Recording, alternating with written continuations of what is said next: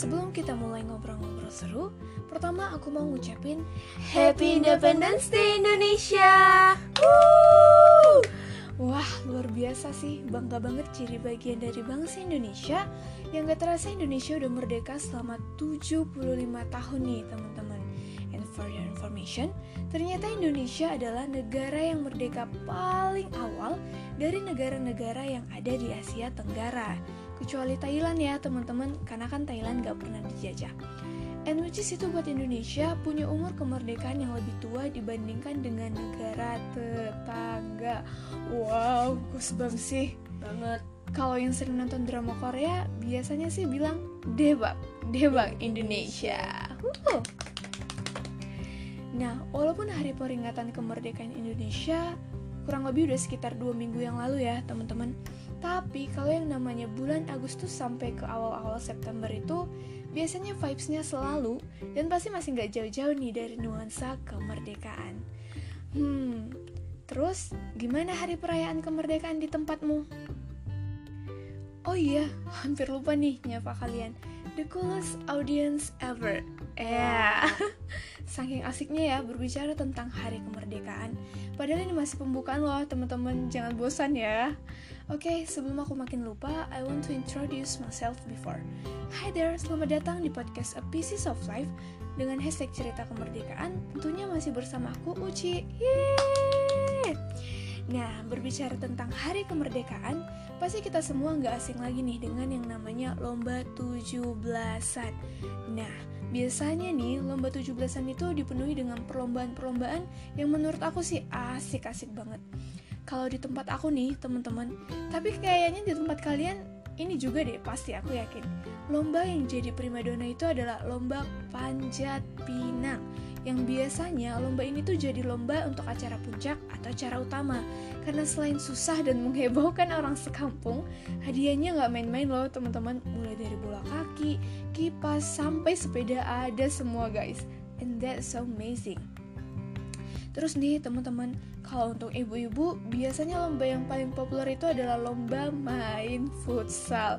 Beh, kebayangkan kalau ini mah hebohnya nggak satu kampung lagi, tapi satu kabupaten ini mah lucu, kompetitif, luar biasa sih. The power of emak-emak emang. Dan pastinya masih banyak lagi lomba-lomba lain yang nggak kalah seru.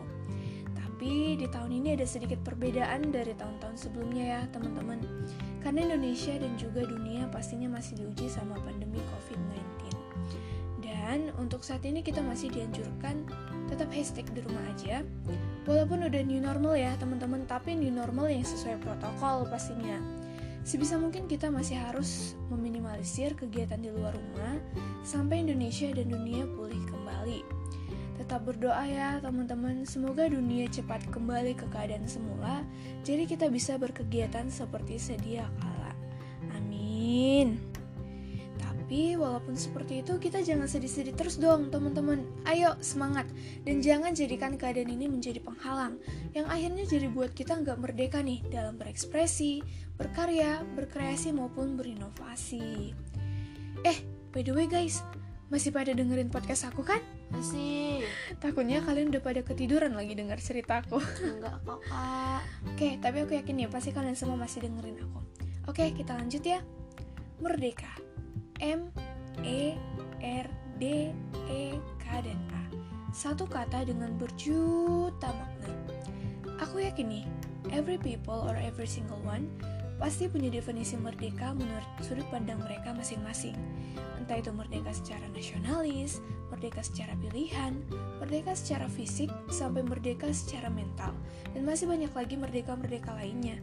Semua tergantung bagaimana aku, bagaimana kamu, dan bagaimana kita semua menempatkan persepsi merdeka itu. So, apa nih arti merdeka buat kamu? Kalau arti merdeka buat aku sih, Artinya itu aku bisa bebas melakukan apa pun yang aku suka, selagi bisa bermanfaat bagi orang sekitar aku dan tanpa merugikan ataupun melanggar norma yang berlaku. Salah satu contohnya adalah podcast ini, teman-teman.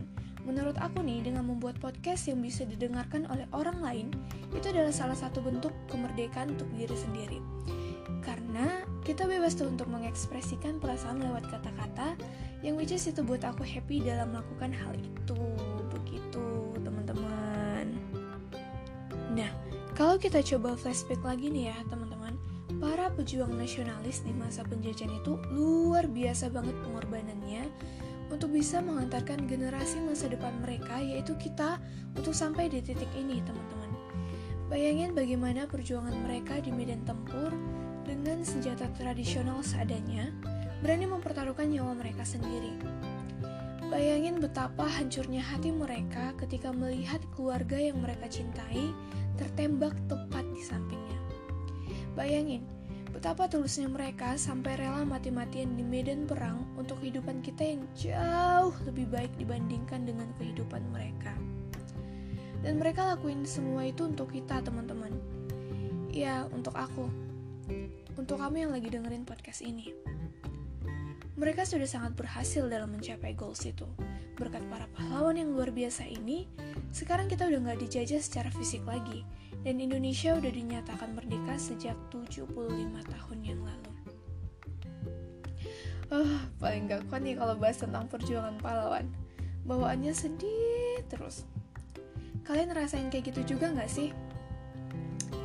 Eits, tapi ini bukan saatnya untuk sedih tanpa melakukan apa-apa teman-teman. Jadi, Tugas kita sekarang sebagai generasi muda dan sebagai generasi milenial itu bukan lagi turun di medan perang, mempertaruhkan wilayah kekuasaan NKRI untuk penjajah. Tugas kita sekarang bukan untuk perang lagi bersama penjajah, bukan. Tapi tugas kita yang sekarang itu adalah bagaimana kita bisa mempertahankan, membangun, memajukan, serta memberikan dampak positif bagi negara kita, yaitu Indonesia yang udah diperjuangkan dan dititipkan oleh pahlawan-pahlawan kita. Gimana caranya? Nah, salah satu cara yang menurut aku efektif nih teman-teman untuk itu semua adalah dengan meningkatkan kreativitas untuk menghasilkan karya dari setiap individu sesuai dengan passion dan jalur yang diminati oleh individu tersebut. Di masa-masa pandemik seperti ini, teman-teman, aku yakin nih, kita semua pasti punya waktu luang yang lebih dibandingkan uh, pada saat sebelum pandemik. Karena aku sendiri ngerasain itu, teman-teman. Sebelum adanya pandemi COVID-19 ini, mungkin lebih dari setengah hari itu aku ada di kampus. Dan itu kegiatannya betul-betul padat dari pagi sampai sore. Belum lagi waktu yang dihitung untuk jarak pergi ke kampus dan pulang lagi ke rumah. Sampai rumah belajar lagi, kerjain tugas, eh tau udah pagi aja. Dan balik lagi ke rutinitas seperti itu, setiap harinya. Tapi selama masa pandemi ini kayaknya kuliah dan semua sekolah itu belajarnya udah secara online ya, daring. Jadi otomatis waktu yang dipergunakan itu lebih sedikit gitu. Uh, karena dikurangin waktu untuk pergi ke kampus ataupun ke sekolah. Nah, waktu luang ini nih teman-teman yang seharusnya bisa kita manfaatkan sebaik mungkin untuk bisa menghasilkan karya sebanyak-banyaknya, menggali potensi diri, dan berinovasi dalam banyak hal gitu. Jadi istilahnya, teman-teman semua itu punya waktu luang yang bisa teman-teman jadikan sebagai suatu tabungan masa depan dengan apa yang teman-teman lakukan di waktu yang sekarang ini. Gitu. Sedikit sharing ya, teman-teman. Jadi sebenarnya aku itu baru aja nih mulai belajar buat podcast sejak masa-masa pandemi ini. Karena kan pemerintah menetapkan kita untuk uh, belajar dari rumah. Nah, seperti yang aku bilang tadi, aku rasa selama pandemi ini aku tuh punya waktu yang uh, lebih banyak gitu, lebih banyak luangnya. Yang awalnya juga aku bingung mau ngapain, nggak tahu mau ngapain. Dan bawaannya tuh jadi malas saja. Setelah belajar online, ya udah gitu, pokoknya jadi kebanyakan wasting time-nya. Dan sampai akhirnya teman-teman, aku itu kayak lihat beberapa kawan aku itu produktifnya pakai banget banget banget walaupun masa pandemik nih mereka itu tetap bisa ikut eh, lomba-lomba gitu. Kayak lomba poster, lomba penelitian. Pokoknya semua lomba yang bisa dilakukan dari rumah. Nah itu tuh aku kayak langsung wow salut sih gitu. Di masa-masa yang kebanyakan orang bingung nih mau ngapain.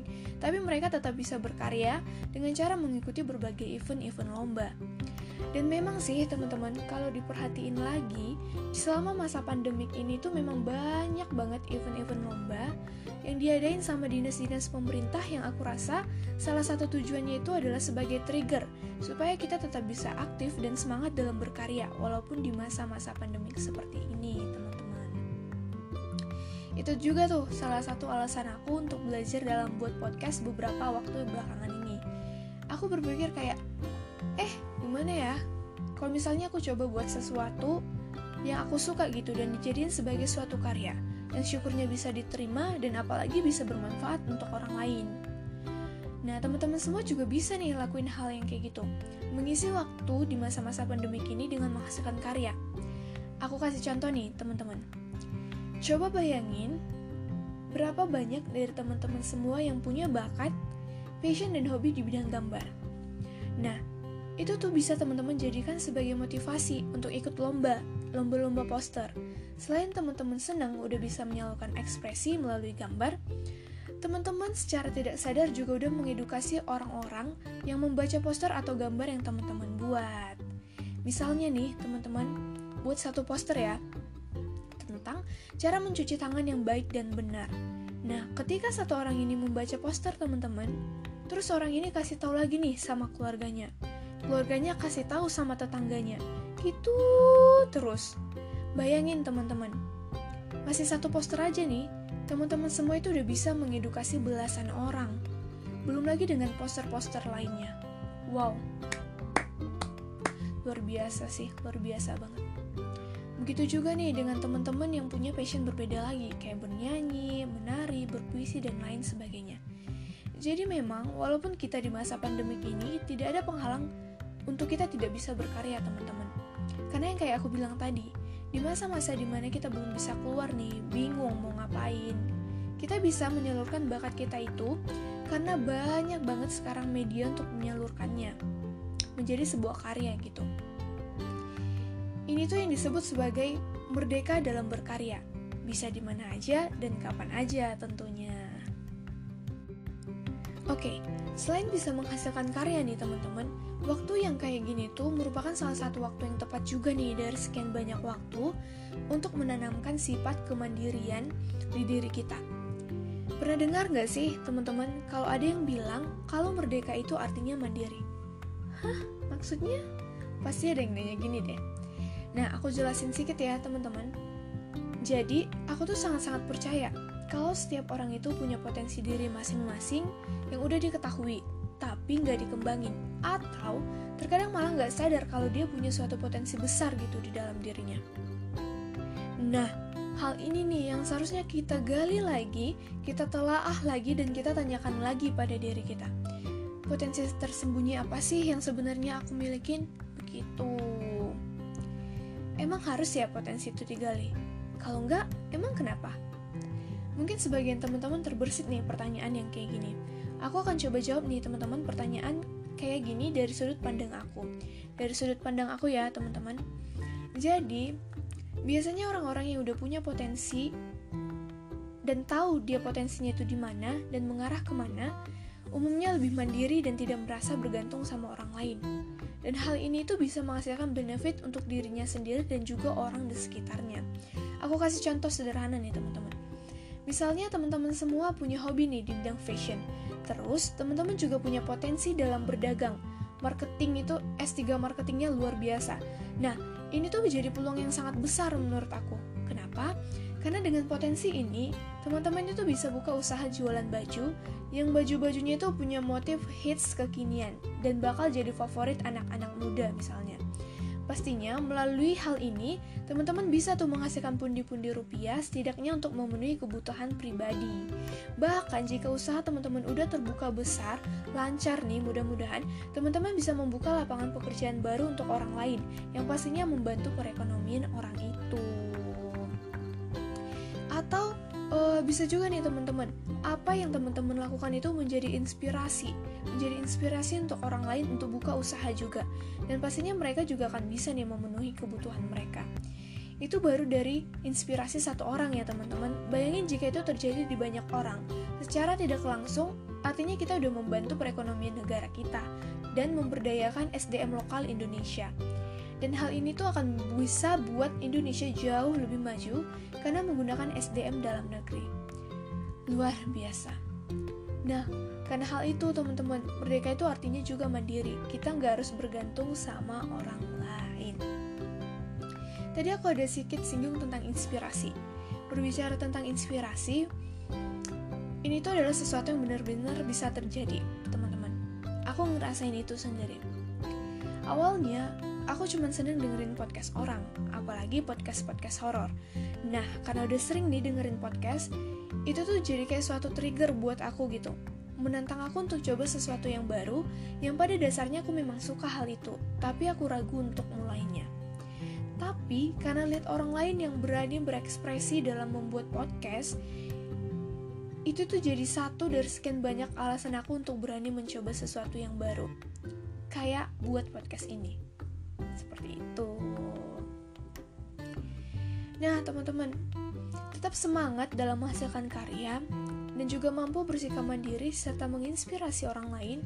Itu adalah sefruit tips untuk tetap berinovasi di masa pandemik ini.